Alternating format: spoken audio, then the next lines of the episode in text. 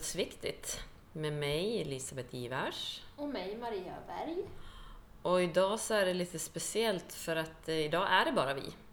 Ja, Det är ingen gäst, utan vi är gäster i vår egen podd. för att vi älskar att prata så mycket. Ja, vi har känt att de andra mest har tagit plats. Så nu jävlar. Nej, men om sanningen ska fram här nu då, som vi skrev om på Instagram, är att vi har tänkt att det här avsnittet ska handla om lite uppdatering. Ja, det är ju en, många och många, men en del som skriver och frågar hur det går. Och, och jättegulliga. Så, ja. Ja, och vi har ju, första avsnittet var ju egentligen en, en beskrivning utav din situation, Mm. anledningen till podden och vår relation. Mm. Sen efter det så har vi egentligen inte uppdaterat särskilt mycket vad det är som har hänt Nej, eh, utifrån dina behandlingar och så. nej Eh, precis. Så det känns ju som att det är lite läge och framförallt nu då eftersom du ganska nyligt, var det för, förra veckan va? Du fick Ja, för- röntgenbeskedet. Ja, precis. Mm. Eh, och så därav att vi kör så här. Mm. Och när du kom till mig här nu för en stund sedan. Vi sitter alltså hemma i Ivars grotta. eh, det lät fan illa. Ehm, En fin grotta. En väldigt ljus grotta. ja. eh, jo, så sa jag att det här är faktiskt det avsnitt som jag inför har känt eh, var jobbigast. Just eftersom att det är eh, känslor involverat på ett annat sätt. Ja, men det, det blir lite utlämnande på annat sätt, för som vi pratade om innan, när man har en gäst, då kan man ju distansera sig lite, för det handlar inte om en själv. Nej, och även om det är ett tungt ämne som många eh, frågor att är det inte jobbigt så, så är det ju intressant för att det är ju mycket fakta, eller det är, även om det inte är fakta så är det livsöden. Mm. Eh, Och då handlar det ju inte om din cancer i sig, Nej, precis. även om det är liksom grundorsaken. Men nu är det ju dig som vi ska prata om. Ja. Ja. Om vi bara gör en liten så snabb recap. När fick du första eh, cancerbeskedet? Vilket år var det? 2018, 2018. stor operation, cellgifter, allt var bra. Eh, Vi åkte till Spanien. Ja, det, 2020. det är så viktig hållhake. Ja, 2020 va? Ja. Ja, i april någon gång. Och sen precis efteråt eh, var det två års kontroll och då fick jag reda på att allting var tillbaka spritt. Ny operation som bara blev en open close för att det var för spritt och eh, palliativa cellgifter sattes in då för att stoppa sp- och hålla nere spridningen. Mm. Så där är jag ju nu. Cellgifter varannan vecka, har haft lite uppehåll över jul och sommar, men då har det ju ökat. Mm, för att om man, om vi nu, när eh, du får väl så som jag, nu får du rätta mig om jag har fel, för att det här är ju verkligen eh, andrahandsinformation höll jag på att säga, men det är förstahands. Eh, Du träffar läkarna och sen så sätter de in, bestämmer om att nu ska vi köra cellgifter varannan vecka i åtta veckor och sen är det ny röntgen. Ja, Och utifrån det så bestämmer man vidare. Ja, Så att det egentligen är två månaders sjok. ja. Mm. intervaller. Ja, och då var, har det ju varit så, så som jag förstår att till en början så lyckades de hålla nere eh, tumörerna Mm. och till och med att vissa krympte. Mm. Eh, och då någonstans, för du fick ju din, som vi kallar dödsdom, låter ju- men bäst före datum 2 till 5 år. Och det är ju då två år sedan nu. Ja, Bra, exakt precis. två år sedan nu är det. Ja. Mm. Sen så börjar de ju prata om att, ja fast man vet ju inte utifrån att om cellgifterna tar så här bra så, så finns det ju möjlighet till mera tid. Ja. För det är ju det cellgifterna ska ge. För det får jag frågor om eh, om dig då, Mm. till mig, sådana som känner mig men inte dig. Eh, att, jaha, får hon behandling? Jag trodde hon var döende. Ja, precis. Att man tror att ja, då låter man det vara eh, för att det går inte att göra något. Och så man säger att ja, men hon får cellgifter. Jaha, kan det bli bra då? Mm. Det är svårt, det är jättesvårt att förklara och eh, i vanliga fall så syftar ju en behandling till att man ska bli bra. Mm, Det är, det är därför ja, men man tar mediciner och behandling för att man ska bli bra. mm, Och, eh, men sen, som man säger då, palliativ vård, det är ju i livets slutskede betyder det ju rent krasst. Mm. Eh, och eftersom de vet att jag inte kommer att bli eh, bra och eh, cancerceller har ju en förmåga att bli resistenta också, så mot behandlingar så vet de ju inte. Hur kroppen svarar. Nej, precis. Och därav att det blir liksom ja, behandling med cellgifter i livets slutskede. Mm. För det är också en sån där, för att om man då säger det, den, den delen, en del utav hjärnan eh, för mig tänker att ja, men ta bara bort dem. Mm. Operera bara bort dem. Och det förstår jag att den tanken har väl liksom passerat din hjärna mer än, än, än vad det finns stjärnor och universum. Men då är det ju så att det går ju inte att ta bort vissa tumörer för att de sitter på ställen där då skulle du dö om de opererar bort det. Ja, precis. Som kroppspulsådern. Mm. Och levern exempelvis sitter på fel ställe på levern. För vad jag har förstått så... Alltså nu, jag har ju många tumörer i liksom hela buken. Och de flesta håller sig ju i schack med de här cellgifterna, men så har jag ju en jäkel i levern som växer trots cellgifter. Och den sitter... För det har jag ju också sagt, men öppna och ta bort så får vi väl se, där får vi leva med en halv lever. Mm. Men det går inte för att den, den sitter liksom inuti levern och så växer den ut och fäster i någon mellanvägg Mm, i alltså i buk, bukhinnan. Så, eh, så det går liksom inte. Och man gör inte levertransplantationer på en, en kropp som min, som är så smittad, för att då skulle den nya levern bli sjuk direkt Mm. igen. Och sen är det det som är så jävligt med cancerceller, just att det är ju en, eh, cancer är ju ohämmad celldelning som jag Mm. förstår det. Vilket gör att även om man tar bort så är det ju väldigt lätt att det finns kvar och eftersom att det är så spritt till så många delar så, så går det inte, vilket gör att det man kan göra är det man gör nu. Och du har ju även varit i kontakt med eh, annan vård, alltså privatvård, och Mm. kollat upp. Precis. Ehm, Så att eh, många i all välmening kommer ju med sådär, ja men jag har hört att, ja men jag läste om, och det är ju, eh, i, i de allra flesta fall så är det ju väldigt eh, med omtanke Ja, bakom. det är ju med all välmening.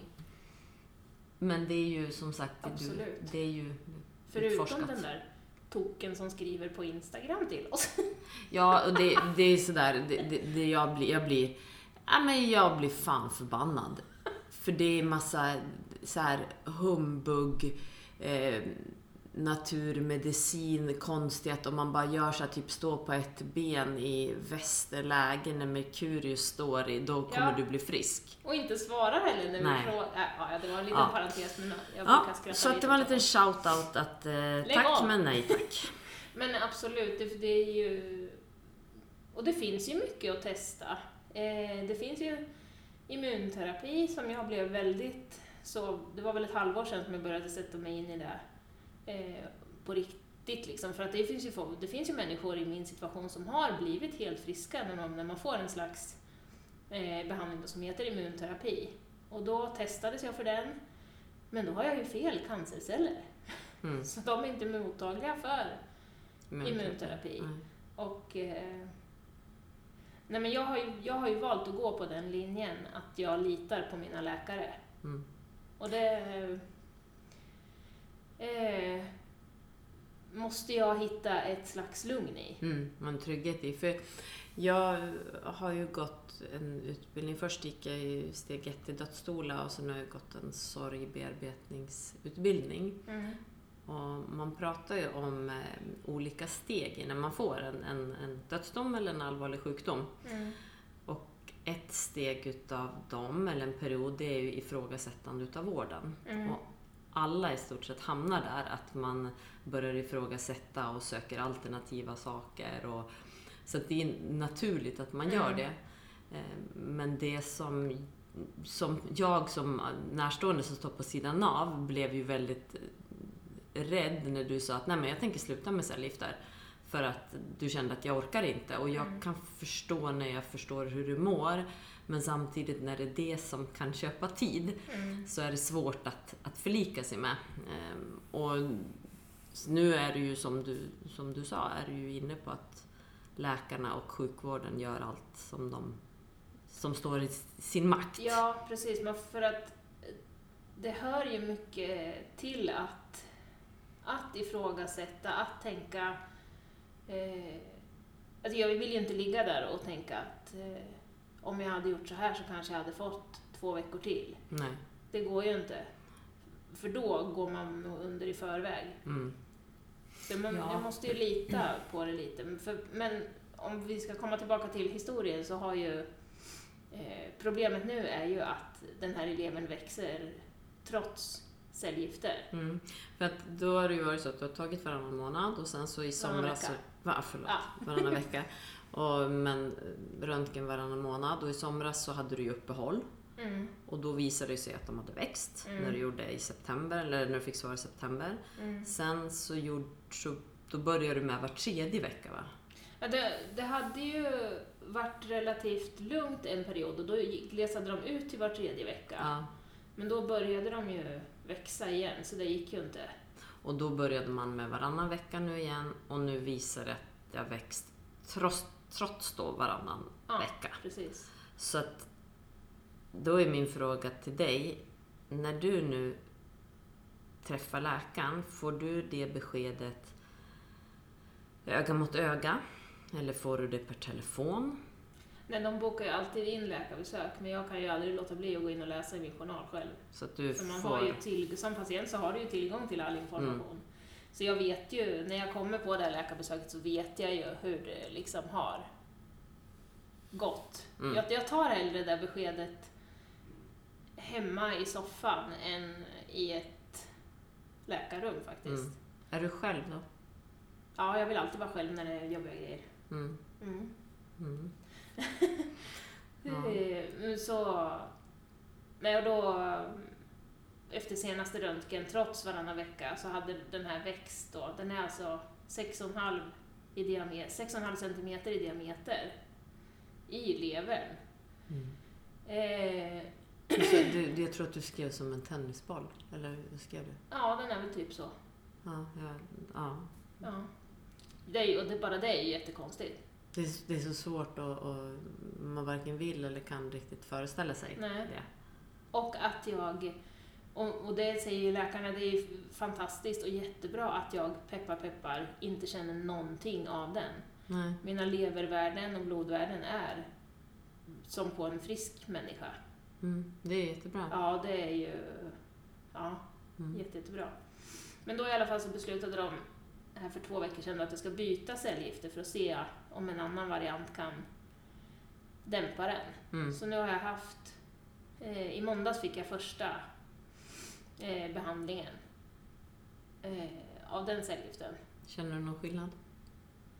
Eh, Och nu menar jag, Jag i ditt mående, biverkningar. liksom. precis, för jag, jag åker ju upp då på, som på måndagen och Mm. får intravenöst på sjukhuset först en dunderdos, eller vad man säger, en koncentrerad dos av Mm. cellgifter. Och sen åker jag hem med en pump som jag har inkopplat i min port då. I din lilla midjeväska. Ja, precis. Jag har min snett över bröstet. Ja, jag har skaffat en sån faktiskt. Ja. Ja, eh, och sen så åker jag upp efter 48 timmar och tar bort den. Och det jag kände skillnaden från ehm, de andra cellgifterna var att jag, jag blev inte så psykiskt påverkad. Mhm. För att, och det är ju, På vilket sätt blir du psykiskt påverkad annars? för jag, jag brukar känna att direkt när jag åker från sjukhuset så brukar jag känna nej jag skiljer mig, jag säljer hästarna. Jag Mm. orkar inte piss off allting liksom. Rör Mm. mig inte. Och, och det har ju varit en väldig berg och dalbana som jag har liksom på något sätt fått lära mig att nu är det så här Mm. i fem, sex dagar, men sen blir det bra. Men eh, riktigt så vart det inte.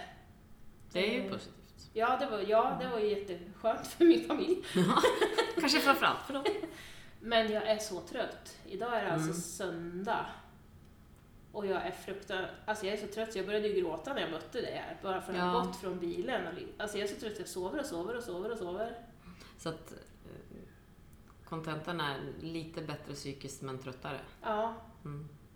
och då Ja, den här tröttheten är ju fruktansvärd. Jag hade nog hellre varit på dåligt humör. Mm. Ja. ja, vi får väl se då. Och då är det ju alltså om två månader så är det en ny eh, röntgen, vad jag förstår. Ja, precis. Mm.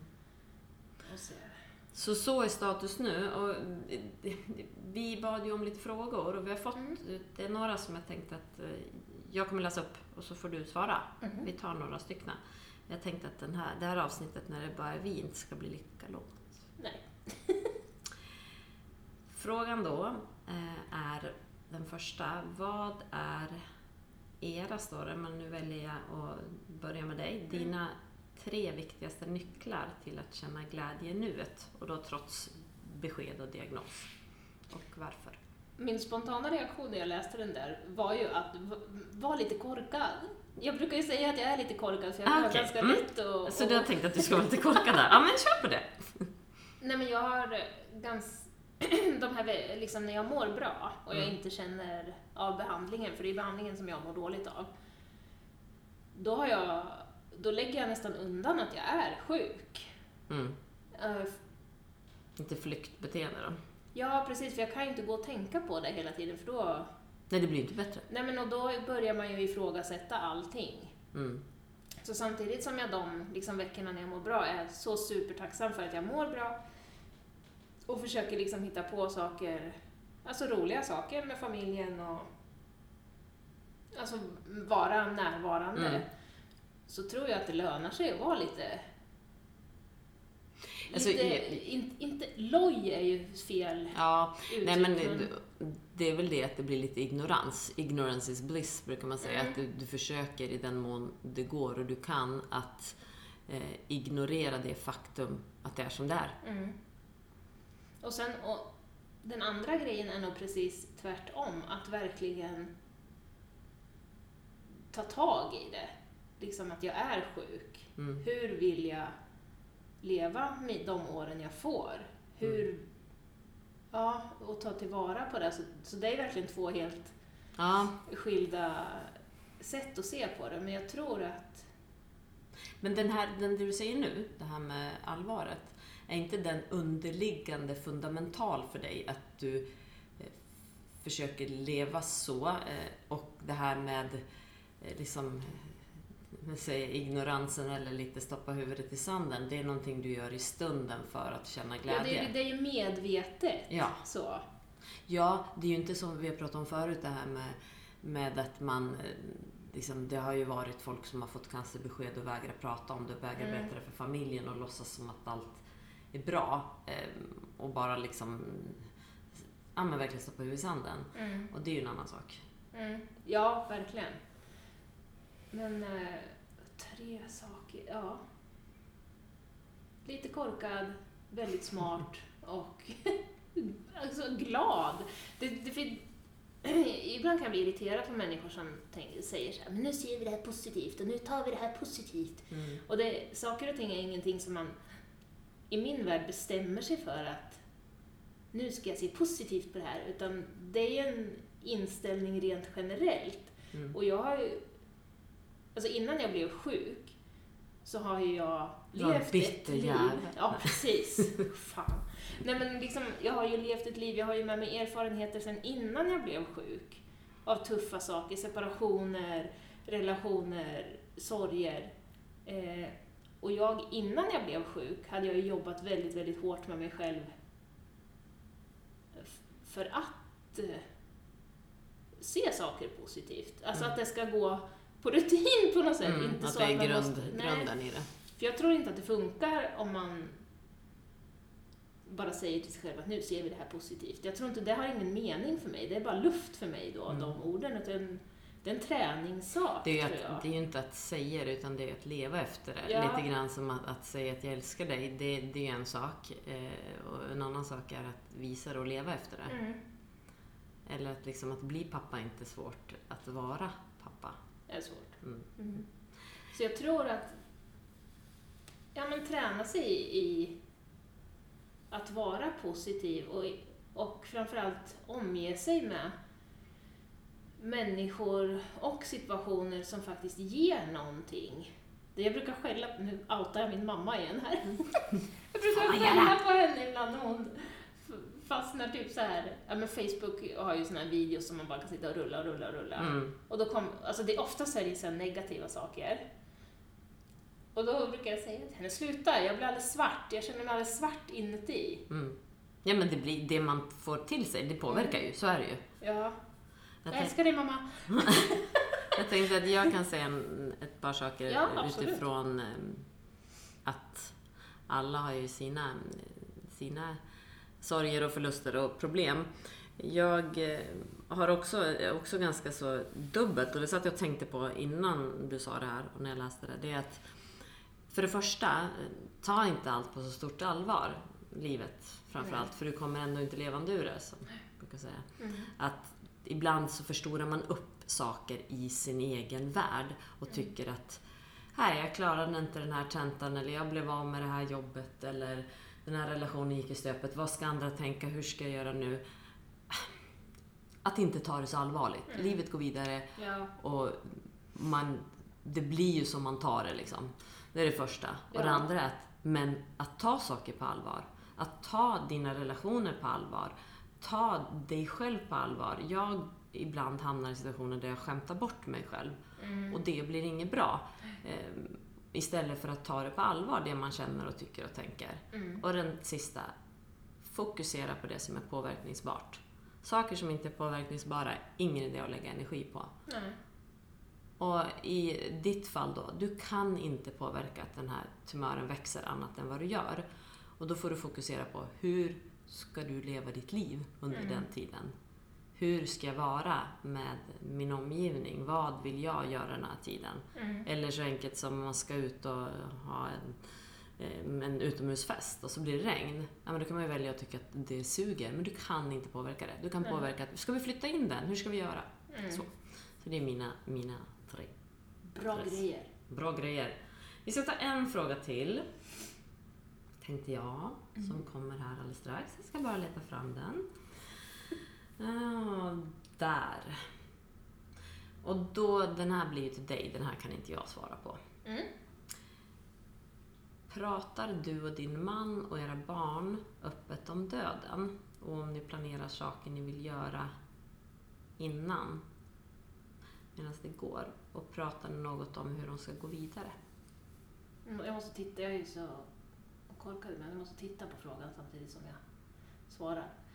Eh, vi bor, så rent spontant så känner jag att vi borde prata mer om efter att, efter att jag har dött. Mm. Eh, jag har ju en bok där jag skriver upp hur, eh, ja men eh, med min dotter och lite sån här... Fyller du på den kontinuerligt om det Ja, kommer precis. på? Mm. Ja. Eh, ja, men och den, och den vet ju liksom Micke, då, min man, vart den finns och Mm. alltså så. Eh, men eh, vi sa faktiskt rent bara häromdagen att vi, vi borde ta tag i det och prata mer om det rent praktiska Mm. eh, runt eh, ja, men som, ta som försörjning av min dotter till exempel. Eftersom hon bor hos mig, men hon har ju en pappa. Hur, Ja, alltså sådana där saker. Så Mm. det är ju, För det är ju sånt Så- som kommer komma upp ja, oavsett, även om ni inte pratar om det. Och du underlättar ju, eller ni underlättar ju för alla om ni pratar om det. Mm. Sen tror jag, det är en väldigt svår fråga. Det är inte så att vi sett, har liksom satt oss ner och pratat om att jag, eller jo det gjorde vi ju i början så, att jag, att jag kommer leva kortare än, än andra. Men det är inte så att vi sätter oss ner för att prata om det, utan det är så, det är liksom med oss hela tiden i det- vardagen. Men Det är ju ständigt närvarande. Mm. Men kan det vara en fara och en risk då att eftersom det är så närvarande, eftersom du har den här, eller vi har den här podden och eftersom att du är så öppen, att det liksom nästan glöms bort att Mm. ta viktiga saker. Det är Absolut. lite såhär, jo nej men vi pratar ju om döden. Ja, men det är ju hela tiden. Fast ni kanske glömmer de här sakerna som behöver rent praktiskt bestämmas. Ja, så Sen- är det. Sen vet inte jag, men jag tror kanske inte riktigt att det är optimalt heller att sätta sig ner i typ familjeråd. Det, det känns som att det kan ju bli total eh, svart och deprimerande. Ja, jo men det blir det ju. Utan det blir ju mer såna här små stunder som man tar, som man säger, eh, ja men så här skulle jag vilja att ni gjorde när Mm. jag inte finns. Eller så här, kontrollfreak som man är, lös det här problemet så här. Mm. Eh, så sådana saker pratar vi absolut om. Sen borde vi få det mer på pränt. Mm. För, för det är ju, jag fattar ju att mina nära, alltså som mamma och pappa och syskon och så, det måste ju vara jättesvårt för dem att ta till sig när jag säger, kanske i förbifarten, att eh, jag skulle nog vilja vara begravd där. Ja, Så, ja, man vet ju inte hur mycket, för folk reagerar ju så olika och tar till sig så olika saker. Så, och det är nog därför också som jag har skaffat den här boken. mm. och det är ju bra för då finns det ju nedskrivet och så finns Mm. det ju, eftersom vi har det här så finns det en hel del. Man ska inte kanske jobbigt behöva sitta och leta i en podd. Men eh, frågar du eh, dina barn eller ditt barn och bonusbarn eh, om de vill prata? Nej. Nej, jag bara pratar. Nej, men det är klart att vi eh, har liksom allvarliga stunder där man... För ni har ju en väldigt fin och nära kontakt, tänker jag. Så att, Mm. nu vet inte jag, men jag kan tänka mig att mycket kommer upp när det behöver komma upp. Ja, Men däremot, nu ska jag säga någonting som jag tycker. För det har jag aldrig gjort förut. vad ska du vara ärlig och rak? det ska Oj. Vänta, håll igen. Alla ni som lyssnar på det här. De här samtalen om vad man vill när man dör, eller vad man tänker utifall att det är så att man dör tidigare eller plötsligt, ska alla ha med Mm. sina nära och kära. Mm. För att det är inte så att man dör mindre för att man har sådana samtal. Så prata med, med respektive och med barn om vad ni vill och önskar och tänker och känner. Inte på ett dramatiskt sätt, men på ett sätt så att det också blir naturligt. Mm. det går inte att komma ifrån. Det, det, det är inte så, så att, att det blir mindre, som sagt, man, man utsätter sig inte för mindre risk. Eller det, inte, det ökar inte risken för att dö för att man pratar om döden. Nej, precis. Man jinxar det inte. Nej, och det är viktigt och nyttigt och att vi har ju tagit bort hela det här i och med att vi inte längre bor i generationsboenden, att människor ens ser en död. Så det Mm. blir så otroligt mörkt och läskigt och visst, det är det, men man kan ju försöka att på något sätt, för det är ju en del utav livet. Ja, och jag, för mig har det ju hjälpt jättemycket. För det, det kan ju vara svårt att ta upp saker och ting. Mm. Liksom, ja, men vill man, ja, men det är som allting, som man pratar om preventivmedel med sitt barn. Mm. Det är bättre att ta det någon gång när det kommer liksom naturligt, så Mm. än att sätta sig ner och båda två blir kan redan vara asobekväma. gravid. Ja, precis. Nej, men så, um, det finns ju som, nästan som en cancer-community på Instagram. Vi är Mm. jättemånga som eh, följer varandra, hejar på varandra och Mm. alltså, så som man känner igen. Och där upplever jag kan vara mycket, får jag mycket bra grejer till mig som jag då kan dela med eh, men framförallt då Nelly, min dotter, att titta så här gjorde de och när hon, hon fick ligga på sjukhus där och det här var Mm. ju en jättebra tanke om att få de här smärtstillande och så att man kan bolla det blir lite avdramatiserande om Mm. man liksom, Någon annans ja, upplevelse. Sen så ska vi kanske lägga till att självklart så varken ska eller varken bör eller ska barn vara med på alla diskussioner om, Mm. med allt. Det är ju Nej. så. Det är, vissa saker så behöver vi kanske inte vara med på. Men att dölja saker och låtsas som att de inte finns leder ju inte nej verkligen inte. till något annat. Nej, det leder ju bara till ännu mer undran.